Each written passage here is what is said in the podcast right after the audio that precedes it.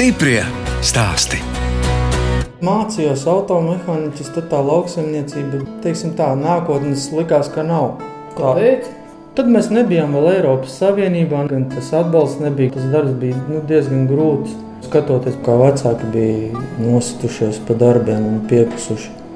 Tā Eiropas Savienība ir ļoti daudz iespējas devusi un tikām pie tā traktora. Tad nākošais lielais projekts, par ko es sapņoju, bija ferma. Pagājušajā gadā bija kūtsmēslu krātuve. Arī uzbūvējām par Eiropas Savienības naudu. Tad kopumā ir diezgan daudz izdarīts pa šiem desmit gadiem. Tā stāsta zemnieks Armāns Zeltiņš no aizkrauklas novada Mazāles pagasta. Es, žurnāliste Daina Zalamane, Pirms desmit gadiem ciemojos pie Armānda vecākiem, kas toreiz bija zemnieku saimniecības bērzi īpašnieki. Tagad Mazāles pagastā saimnieko jaunā paudze, Armāns ar sievu Lieni, un netālu dzīvo arī Armānda jaunākā māsa Madara Zeltiņa. Trīs bērni, Armāns, Agnese un Madara, izauguši lauku viencētā. Vecāki daudz ko izmēģināja, gan dārziņus audzēt, gan graudus, gan tos pašus lopus noburot. Un atceros, ka mums rūkši bija vienu brīdi arī. Tā kā vecāki ir daudz ko pamēģinājuši. Mēs tajā visā esam līdzdarbojušies, un vienkārši tāpēc tie darbi ir tādi zināmi un iepatikušies. Vecāki mums ir iemācījuši vienkārši strādāt. Pie jebkuriem apstākļiem, ja ir jāizdara, tad arī izdarām. Tas, manuprāt, ir mūsu norūdījis. Ja mēs paskatāmies uz tādiem mūsdienu jauniešiem, man liekas, ka viņi kaut kādās krīzes situācijās nespēja par sevi parūpēties, nespēja izdzīvot. Bet mūsu paudze atkal ir tādi, kas ir izgājuši cauri tādam smagam darbam. Man liekas, mēs esam tādi gatavāki visam kam. Pats ej un dari un nečīksti. Un... Skolās bija ļoti apzinīga. Man bija tautu dejas, modernās dejas, koris popgrupa un arī teātris. Mēs visur gājām un atbraucām mājās un strādājām. Tajā laikā tas likās normāli, ka tu daudz kur iesaistījies un piedalījies. Un tas viss notika tajā mazajā mazāvis pamatskolā. Jā, pamatskolā, jā. Es atceros, ka bija mazāk, mēs tur daudzījāmies apkārt ar velosipēdu, mājiņas būvējām mežā, un ko tik mēs nedarījām. Viss, kas ienāca prātā, nevarēja dabūt mājā iekšā atpakaļ istabā. Jau no mazotnes tētim braucu līdzi un vecam tēvam, kad vēl kolhozā strādāja. Tad izmācījos tos automehāniķus. Praksē pastrādāju Rīgā CSDD, kur automašīnām skatas iet. Es tur varēju pilnīgi mierīgi palikt un arī strādāt. Bet par cik man patika tajos laukos, tad uh, es paliku te un kopā ar vecākiem mēs to saimniecību uzbūvējām. Gan tad, gan šad, tad arī tagad es iesaistu arī visus pārējos darbos. Talkās vai madaras tad atbrauc, kad vajag kaut ko padzīt, kādu būli vai kaut ko palīdzēt, jā, paskrēdīt pa tā aktīvāk. Brālis stāstīja, ka viņš tā kā laukos sevi neredzēja, un tāpēc tos automehāniķus izvēlējās. Madara, kā tad jūs to profesiju izvēlējāties? Ai, man liekas, ka šobrīd vispār jebkuram jauniešiem ir ļoti grūti saprast, kas būs tas, kas nākotnē būs pieprasīts, kāda veida profesijas. Mēs ar māsu abas divas Jelgavā Latvijas Lauksniecības universitāti absolvējām un pabeidzu augstskolu, un tad domāju, hm, ko tagad lai dara? Man ir ēdināšanas un iesnīcas uzņēmējdarbība, māsa ir ainava arhitekts. Madara, bet kā tad jums bija ar tiem darba meklējumiem? Vietējā puķu veikalā strādāju, neretā. Tad es pastrādāju Vallē degvielas uzpildes stācijā. Nu, tādas īstas profesijas jauniešiem. Jā. Nu, jā, beigās draugs kā nodarbojās ar siltumnīcu ražošanu. Viņš saka, man jāpamēģina lielo siltumnīcu karkasi. Pirmie tie prototypi. Tā viņš man uzbūvēja vienu siltumnīcu, 5 metri plata un kaut kur 12 gara. Viņiem ar brāli ir kokapstrādes uzņēmums, kronīšu kokapstrāde. Un viņi būvē siltumnīcas gan mazajām saimniecībām, gan arī lieliem stādaudzētājiem, gan arī tagad lielās angāra tipa nojumes. Koka konstrukcija tā ir. Un, Un zemnieki izmanto gan traktoru tehnikas novietnēm, gan arī, piemēram, izveidojot eh, nojumes lopiņiem. Māsas Agnēs draugs Jānis pēc tam šīs konstrukcijas brauc un eh, apšuj ar eh, ar metālu. Tas nozīmē, ka puišiem to darbu laukos ir atrast vieglāk. Es īstenībā teiktu, ka jā, man liekas, ka sievietes arī ļoti daudz dara un ļoti daudzām arī ir augstākās izglītības, bet mums tas atalgojums ir krietni mazāks nekā vīriešiem, kuri var aiziet uz mežu strādāt, kuri var uh, metināt automašīnas, remontēt un tā tālāk, bet viņiem tās algas ir kaut kā krietni lielākas nekā sievietēm. Kaut gan neteiktu, ka sievietes strādā mazāk. Madara Zeltiņa siltumnīcā audzēja puķu un dārzeņu stādus. Beigās bija tā, ka man bija divas pilnas siltumnīcas. Ļoti man patika, sirdī tos darbus bija. Grāmatvedība man bija diezgan vienkārša, jo tad vēl bija pašnodarbinātais, tu varēji būt, un tie nosacījumi bija salīdzinoši vienkāršāki. Bet pēc tam, kā mainīja arī ar tiem pašnodarbinātajiem visādus likumus, tā kā man nav regulāri ienākumi, tie apjomi nebija tik lieli, tad es domāju, arī vai man to vajag, tad ir vajadzīgi jā, lieli apjomi, lielākas savas investīcijas tajā visā. Un, uh, Tas nav tāds darbs, kas tevi ar finansiāliem līdzekļiem nodrošinās visu cauru gadu. Līdz ar to es sāku meklēt tādu darbu, lai man būtu alga katru mēnesi, un būtu sociālās garantijas un iemaksas un tā tālāk. Un tas man jāizveda uz darbu vietējā skolā, kur arī mamma strādā. Tur es šobrīd strādāju par ēdnīcas vadītāju un pagarinātās dienas grupas skolotāju. Un ko nozīmē vadīt ēdnīcu? Tas nozīmē taisīt ēdienkartes, pasūtīt produktus, norakstīt produktus un dažādu veidu dokumentāciju. Ēdnīca ir pašvaldības īpašums, un mūsu neredz apvienībā bērniem ir brīvpusdienas mūsu skolā. Gan bērnu dārzā, gan skolā visa ēdināšana ir par brīvu. Mazāls pamatskola šeit pat netālu, 10 km attālumā. Tās ir 9 klases, plus vēl mums ir arī bērnu dārzs. Bērnu īstenībā ir pietiekami daudz, un nu, skola attīstās, un, vecāki, es domāju, ļoti apmierināti. Ko jūs dodat bērniem ēst? Mēs gan otros ēdienus, gan zupas, gan saldos ēdienus, un regulāri arī mēģinam ieviest kādus jaunus ēdienus, lai arī daudzveidotu ēdienu karti, lai nebūtu tā, ka ir viens un tas pats. Nu, mēs esam aizgājuši uz to, ka bērni vairs nezina, ko viņi ēd un ko viņi nē. Jo īstenībā tas pārtikas daudzums, nu, mēs kā ļoti labi redzam, kas tiek vienkārši izmests atkritumos, tas ir ļoti, ļoti liels. Tādēļ es nezinu, vai mums jāsāk ar ģimenēm, kur ir jāaudzina vecāki un jāsaka, kādus produktus lietot un ko vairāk. Jo Nu, Pārtiek no cīsiņiem. Nu, cīsiņi, un hamburgeri, un, un frī, un makaroni. Nu, ļoti daudz, un maize, jā, visas pilsētas nelaimes. Nemāk vairs mums bērni, diemžēl, ēst daudz ko. Ja ir launagā cepumi vai bulciņas, tad tās ir topā. Tad ir vienmēr pieteikušās gandrīz visa skola. Skumji, bet jā, bērni ļoti daudz ko nemāķi ēst, jo acīm redzot, vienkārši ģimenēs negatavo. Bet eh, jūs jau pati tur pie katliem palnā nestāvat, ja jums ir esmu, pavāri. Esmu arī stāvējusi, jā, ja ir bijusi vajadzība, bet jā, mums ir divas pavārītes, kas visu sagatavo. Es vairāk par dokumentāciju un, un, un tādām lietām atbildu. Strādājot skolā, es ļoti labi redzu, ka bērni vairs negrib ne slotu paņemt rokās, ne reizi gadā pagrāt lapas. Tas jau ir jau ir vesela epopeja, kāpēc man tas jādara, un, un es nedarīšu. Nu, skumji nostīties, skumji. Jā. Man arī kā pagnātajā grupā bērniem pieejamas dažādas galda spēles.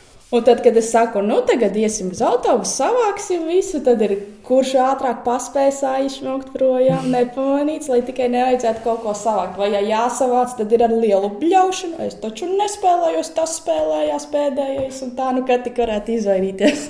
Bijuši tādi lauku bērniem uzdevumi kad sējam, kad novācam ražu. Nu, tad, ja ziemā mēs kartupeļus rokam nost vai sējam kaut ko dārzā, tad man gribas saķert galvu. Liekas, ka Dievs, kur mēs dzīvojam. Tas nozīmē, ka nav vairs vecākiem saimniecības, pat maz dārziņu nav. Īsnībā, jā, diezgan. Laukos dzīvo kā pilsētnieki.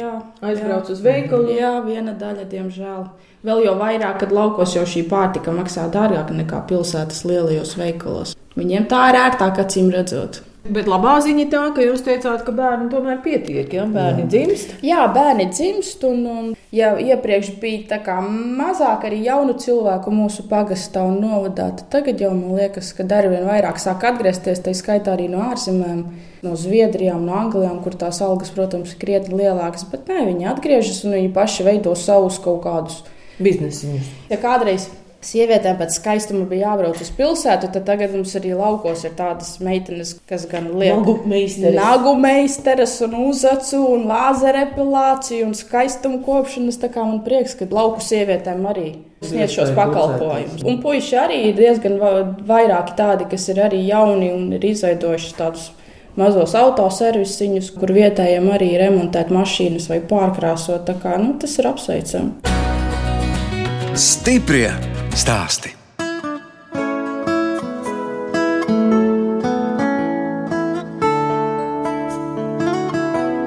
Jūs klausāties raidījumu stipri stāstī. Turpinot ciemoties aizkrauklas novada Mazalvas pagasta zemnieku saimniecībā Bērzi pie Armānda Zeltiņa, kurš turpina vecāku iesākto biznesu, apsaimnieko 130 hektārus zemes un audzē 95 šarolē šķirnes, baltus gaļas lielopus. Dodamies uz fermu, kas uzcelta pirms pieciem gadiem Armānda saimniekošanas laikā. Šī daļa, kur viņas stāv, viņas ēd. Tā daļa ir, kur viņas guļ un kur krājās kūts mēsli. Tie nav teiksim, bieži jātīra. To mēs darām divreiz ziemā.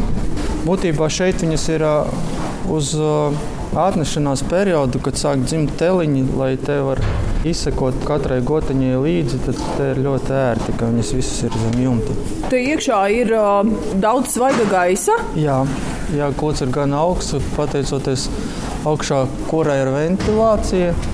Sānos ir speciāls tīkls, kas laiž gaisu no vienas puses. Tā gaisa apmaiņa ir laba, līdz ar to viņam ir patīkami. Tagad jau gan uzbūvē tikai tādu mazu nojumīti, kur patvērties, un nemaz tā vairs tās fermas nebūvē kā kādreiz. Jā, bet tad ir vieglāk gan pašam strādāt, gan lopiem ir labāk un iespēja Eiropas Savienības līdzekļus piesaistīt.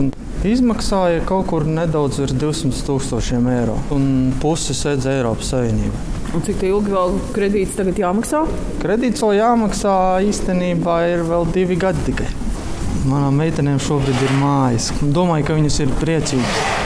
Kad viņas ir ganībās, bieži vien ir tā, ka viņas panāk līdz tuvākajam aploka stūrim, stāv un gaida un skatās uz fermu un bļaujo.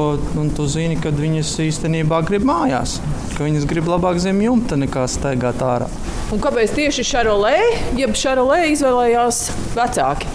Tas bija 90. gadu sākums, kad mēs bijām nopirkuši traktoru ar mēslu ārdītāju, un tad sanāca, ka no kaimiņa To mēslu ārdītāju vecāki iemainīja pret vienu grūsnu šarolē teli. No tās vienas grūsnās šarolē teles ir izaudzis vesels ganāmpulks ar simts lielopiem. Tāpēc arī ir šarolē. Man personīgi tie baltie patīk. Un, ir patīkami, kad brauc mājās pa ceļu un viņas ganās tajā pļāvā. Tad liekas, ka viss tā vide ir uzreiz tāda daudz dzīvīgāka. Nu, tagad tik vairāk kaut kā uz tiem krustojumiem es redzu, ka saimnieki iziet. Krustojums ir lētāk nopirkt nekā, teiksim, tīšķirnes. Citam atkal liekas, ka viņš arī nobarosies labāk. Bet jūs tad teliņus arī kā no šķirni arī tirgojat? Pagājušajā gadā uh, buļļus pāris pārdevām arī vaislē dzīvei kas aizgāja uz citām saimniecībām. Labākos paturam sev un citus labākus pārdodam tālāk kādai citai saimniecībai. Cik tad jums katru gadu tie teliņi piedzimst? Apmēram 50. Paveicies, ka izsoļnams ir tuvu, un tad gandrīz vai varam pa lauku pārdzīt strīpiņā visus uz izsoļnamu un nemaz nav jāved. Līdz ar to, to arī atkarīt transportēšanas izmaksas, kas arī ir gana liela pozīcija, tāpēc Mums ir ļoti paveicies, ka tepat ir Kaspars un Isornams. Un... Un kā ar lielopu gaļas cenām? Gribētos, lai viņas būtu vēl lielākas, jo daudz kas ir sadārdzinājies. Gan dažādi ražošanai nepieciešamie materiāli, gan degviela, gan viss pārējais. Tāpēc gribētos, ka tā cena arī būtu bijusi labāka. Bet nu, tādā krīzē kā piena mēs neesam. Tur guļ viens mazulītis. Ja? Jā, tas ir pirmais mazulītis šogad. Tagad jau pusi tā jāvaktē cītīgi, jo uz pavasari lielākā daļa teliņu sadzims un tad aprīlī viss iet skraida pa pļāvām. Armāns palapojas ar tehniku, kas atvieglo darbu. Piekabītē ieliek iekšā divas ruļļus. Piekabītē ir tāds transportieris, kas ruli padod lielam rotoram, kas pēc tam to barību izmet ārā. Bet tur kā priekšā vēl ir vecais, vecais labais traktoriņš kas savu funkciju pilda. Jā. Bet ar mani gribas tomēr to jauno tehniku. Man ir arī jaunāk, jaunāks traktors, stāvs čūnī. Tas vairāk iet vasaras sezonā, kad ir pļaušana, presēšana, ruļu vešana mājās, āršana. un tādiem darbiem. Bet barošanai iet vecais labais Belarus. Vai kāds šis interesants traktoriņš? Kas tas ir? Teleskopiskais iekrāvējs. Viņš strādā kraušanas darbiem. Roļus vedam vasarā un sniegu pašķūrējam. Un par cik viņam ir diezgan liela celtspēja un, un augstu viņu var pacelt, tad viņš mums ļoti labi noderēja būvniecības darbiem, kad veco māju rekonstruējām. Pārņemot saimniecību no tēva, Armāns Zeltiņš arī piedalījās jauno zemnieku projektā. Nopirkām traktoru mūsdienīgu savai saimniecībai un uh, vesels piedzīvojums, kā mēs viņu no Vācijas atbraucām uz Latviju.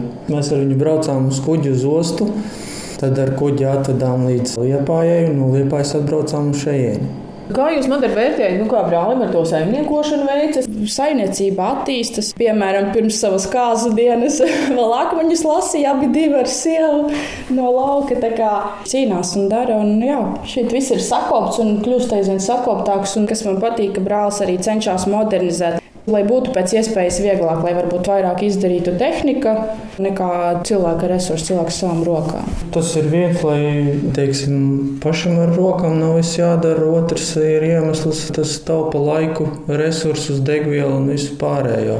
Jums kāds strādnieks arī ir, vai jūs paši tiekat galā? Nav mums strādnieks, pagaidām cīnāmies paši. Un, eh, man gribētos paņemt arī kādu strādnieku, bet grūti arī laukos tādu labu atbildīgu arī ir dabūt. Krūmu zāģēšanas pie malkas, tad mēs šādi kādu paņemam vienkārši pastrādāt. Bet uh, viņš vienu dienu tev atnāks, un pēc tam viņa vairs nebūs nākamajā dienā. Tāpēc arī ir tās simts govis, nevis 200, jo tad atkal vajadzētu strādniekus. Lai to visu izdarītu, jo pašam būtu ļoti grūti. Armand, un kā ir sanācis, ka tagad jūs dzīvojat jaunā mājā un vecāki vecajā mājā atkal? Bet vecāki dzīvo vecajā, jaunajā mājā, es gribētu teikt tā. Jā, jo jūs man telefonā rādījāt, ka principā tikai noārdīts tur sienas palikušas, jā. jā, un viss ir atjaunots. Jā, un vecākiem arī ir skaisti. Kā mēs paši spriedām, kad uh, mājā saimnieks un saimniece ir tikai viena, tad viņi arī to saprot. Un, un nekritizē jūs, ka jūs tur kaut ko nepareizi darāt? Nu, ir šādi pakritizē un iekāp nervā, bet, uh, bet tas nav tik bieži. Tagad, kad mēs esam katrs atsevišķi, tad katram ir sava vietiņa, savas lietas, ko darīt, un tad, tad ir tā mierīgāk pārņēmāt saimniecību no vecākiem. Nu, ja nebūtu tas vecāka pamats, uzsākt kaut ko jaunu, jau būtu grūti. Nu, būtu grūti. Tīpaši tagad ir grūti, ka tev nav nekā, ne kaut kāda līdzekļa, ne zemes, nekā. Tikai kaut kāda sava ideja. Nu, tad eh, šajā brīdī, šajos laikos, ir jābūt milzīgai dušai, lai sāktu kaut ko darīt. Madara stāsta, ka nav izdevies laukos piepildīt sapni par būciņu ceptuvi. Bija doma piedalīties Eiropas Savienības projektā, bet, kad mēs sākām par to visu interesēties un apmeklēt arī informatīvus seminārus, Tad mēs secinājām, ka es to nevaru, jo šis mans izvēlētais zemes gabals nebija juridiski sakārtots. Un tad mēs mēģinājām gan ar pašvaldību, gan ar pašvaldības juristiem sakārtot šo lietu, bet tur viss atdūrās pret to, ka nebija vai kaut kādas dokumentācijas. Tā arī man tā vēlme apsīka, jo, jo nebija iespēja nekādus finansējumus piesaistīt. Tad es arī sāku ar tiem stādiem nodarboties. Un, nu, es neteiktu, ka es esmu varbūt atteikusies no tās idejas, bet Pagaidām pēc šī brīža situācijas, kas arī notiek pasaulē, tā man liekas, ir bijusi tāda piesardzība. Kas saka, dzīvosim, redzēsim. Daudz ko nevar izdarīt pašvaldība, jo daudz kas nav sakārtots teiksim, valsts līmenī. Latvijā ir daudz ir tādas vietas, kur skaitās, ka viņa ir bezsemnieka īpašums. Viņi ir kā ir pašvaldības, bet tāpat laikā ar viņu īsti neko nevar darīt. Legalizēt īsti nevar. Pagājušajā gadā, piemēram, atbraucu uz to vietu Latvijas energo, vadus visu elektrību, visu noņēmu nost, un tagad tev palika tāda plika vieta. Un, nu, nekas nenotiek, tad tur elektrības arī vairāk nav, un tā vieta arī īsti. Nu. Tas bija kaut kur mazā uz centrā? Tas, tas bija pat netālu pie upītes, tur tāda smuka vieta, tur dažas vēl vecās ēkas bija palikušas. Tas ir tas, kas arī bieži vien nobremzē kaut kādas idejas. Bet man ir zeme netālu no šosejas un pie upes, un arī tādā skaistā vietā varbūt mēs kādreiz apvienosim savus spēkus un kaut ko izdomāsim. Es tā kā šobrīd esmu gan atspēries, un es kaut kādā brīdī varu palīdzēt māsu kaut kādām idejām. Stiprie stāsti.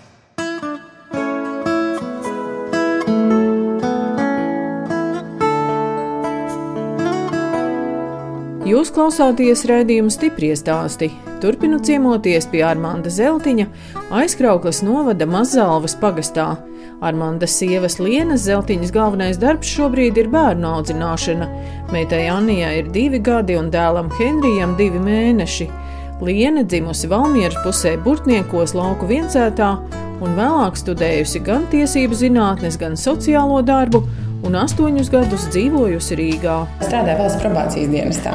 Darbs ar cilvēkiem, kas ir izcietuši cietumsodu. Jā. Nu, kā ir? Jā. Jaunai meitenei strādāt šādu darbu. Nu, man patika.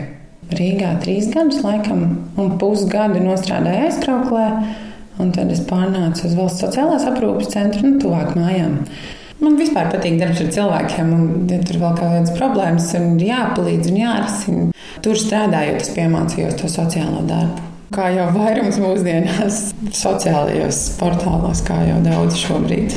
Draudzene arī apprecējās ar, ar puisi, kur iepazinās tādā formātā, kā mēs. Nu, daudz jau tā kā Armandam es zinu, ka teica, ka nu ne, taču tu viņu nedabūsi uz laukiem no Rīgas. No sirdī nepavēlēs katrā gadījumā. Nu, kā jūs esat šeit iedzīvojusies? Nu, man jau šķiet, ka ļoti labi. Pastrādāju sociālās aprūpes centrā, tur jau puspagasts strādā, un vēl daļa no rajona strādā. Tur arī vietējos es esmu drusku iepazinusi. Un draugi, kad atbrauc ciemos, tad viņi saka, nē, nu, tu tā kā dieva ausītē klausies. Nu, kā jūs Armandam palīdzat arī ar tiem gaļas lielopiem kādreiz kaut ko? Jā, es piemācījos Latvijas lauka konsultācijas centrā par pāraugu. Pāraugu visu ganāmpulku, izvērtēju, ko mēs paturam sev, ko mēs laižam uz izsoļnamu, vai paturam nobarošanai, audzēšanai, vaislai, un kuras govis brāķējam. Nu, Tas tagad ir tāds mans lauciņš un dokumentācija, atkal Nu, reģistrēšana. Meitenes, kas apgūst tiesību pamatus, laikam var apgūt visu, ko vajag, jā, arī no lauka dzīves. Jā, jā, ar traktoriem arī braucu un, un, un vedu. Un, nu, tā kā nav problēma. Bet noder arī tās jūsu juridiskās zināšanas. Jā, protams, dokumentu sagatavošana kaut kādām Armāns nomā zemes, tad nomas līguma sagatavošana. Armāns jau tā kā skatās man un domā, ka varbūt es grāmatvedību varētu izmācīties, bet, nu, laikam nē. Tagad ar Anī esot uh, bērnu kopšanas atvaļinājumā, es izmācījos par um, projektu koordinatoru. Women for IT cenšas piesaistīt sievietes vairāk IT nozarei. Nu, es teikšu, brāļa sieva jums taču ir Plaša profila speciālists, jā, tieši jā. tā piekrīt.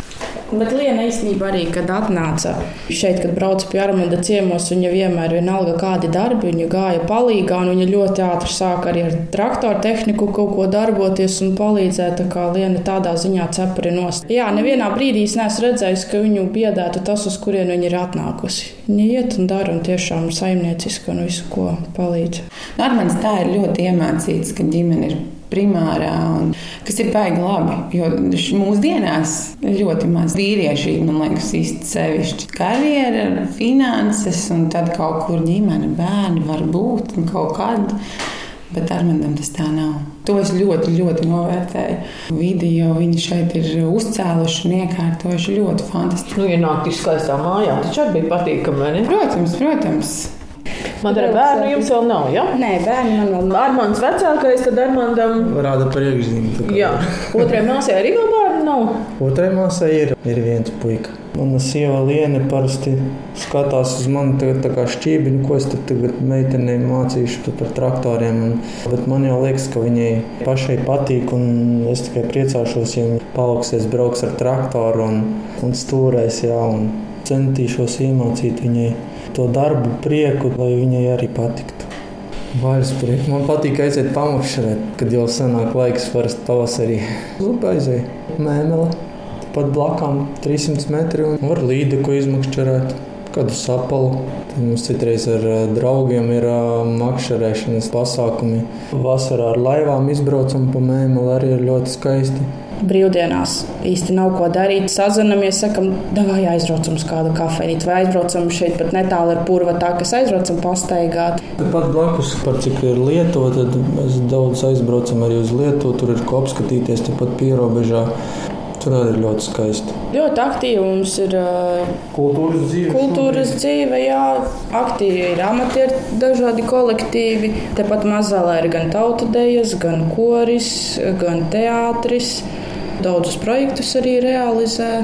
Mums jauna meitene ir fizioterapeits pagastā, un viņa pasniedz ārstniecisko vingrošanu un, un, un fitnes, un arī apmēram gāju. Protams, ir mazliet muļķīgi šo jautājumu par manis priekiem uzdot jaunajai māmiņai, kurai ir divus mēnešus vecs, vecs bērniņš. Katru mēnesi mēs svinam mazos svētkus. Mēneša jubileju mēs svinam, un tad es katru reizi cepu kaut, kaut kādu kūku vai kaut ko. Tas man ir tāds mazā relaksācija no visa. Bet no agrāk jau man ļoti patika volejbols. Nu, arī Rīgā es iesāku iet uz zumbas, tur treniņiem, pakustēties. Vienkārši man patīk. Nu, mazais paaugsies, tad jau es domāju, ka viena diena tētim būs vingrošana, tad viena diena mammai būs nedēļā. Tad nu, tas var izrauties. Un ko vēl vajag Mazalvē? Forši būtu kafejnīciņa kaut kāda. kafejnīciņa, bet es arī piebilstu, ka mums vajag dzīvokļus.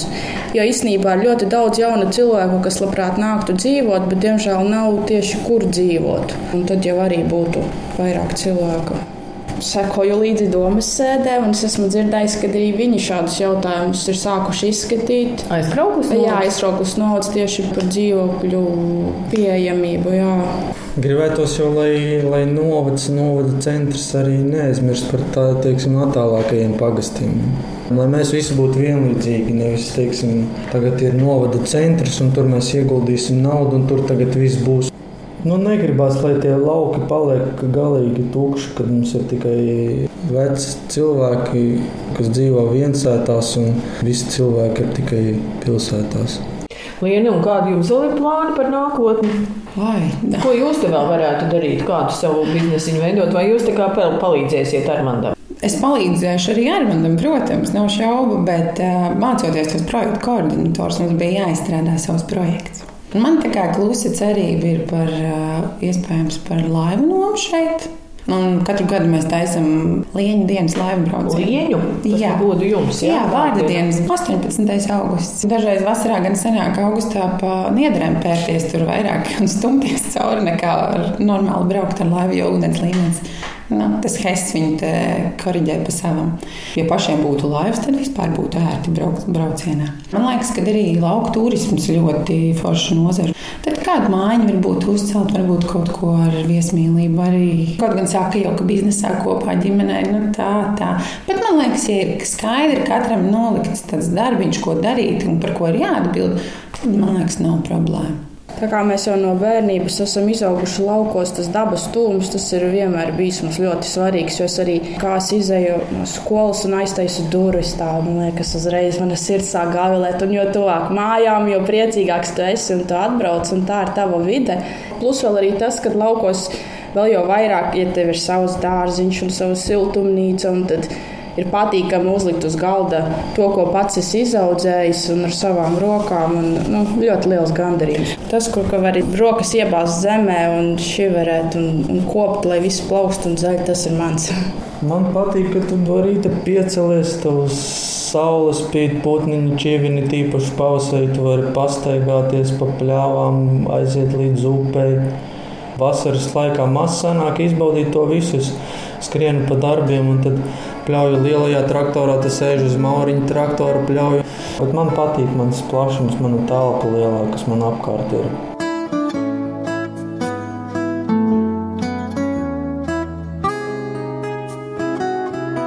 Redījums stipri stāsti izskan, un mēs atvadāmies no Armānda un Lienas zeltiņiem, kas aizkrauklis novada Mazāles pagasta zemnieku saimniecībā bērzi, audzē 95 šarolē šķirnes gaļas lielopus. Armāns saimniecību pārņēmis no tēva, bet viņa māsa Madara strādā skolā un arī kopā ar draugu dzīvo viencētā. No jums atvedās žurnāliste Dāna Zalamane un operātore Inga Bēdelē, lai tiktos atkal tieši pēc nedēļas.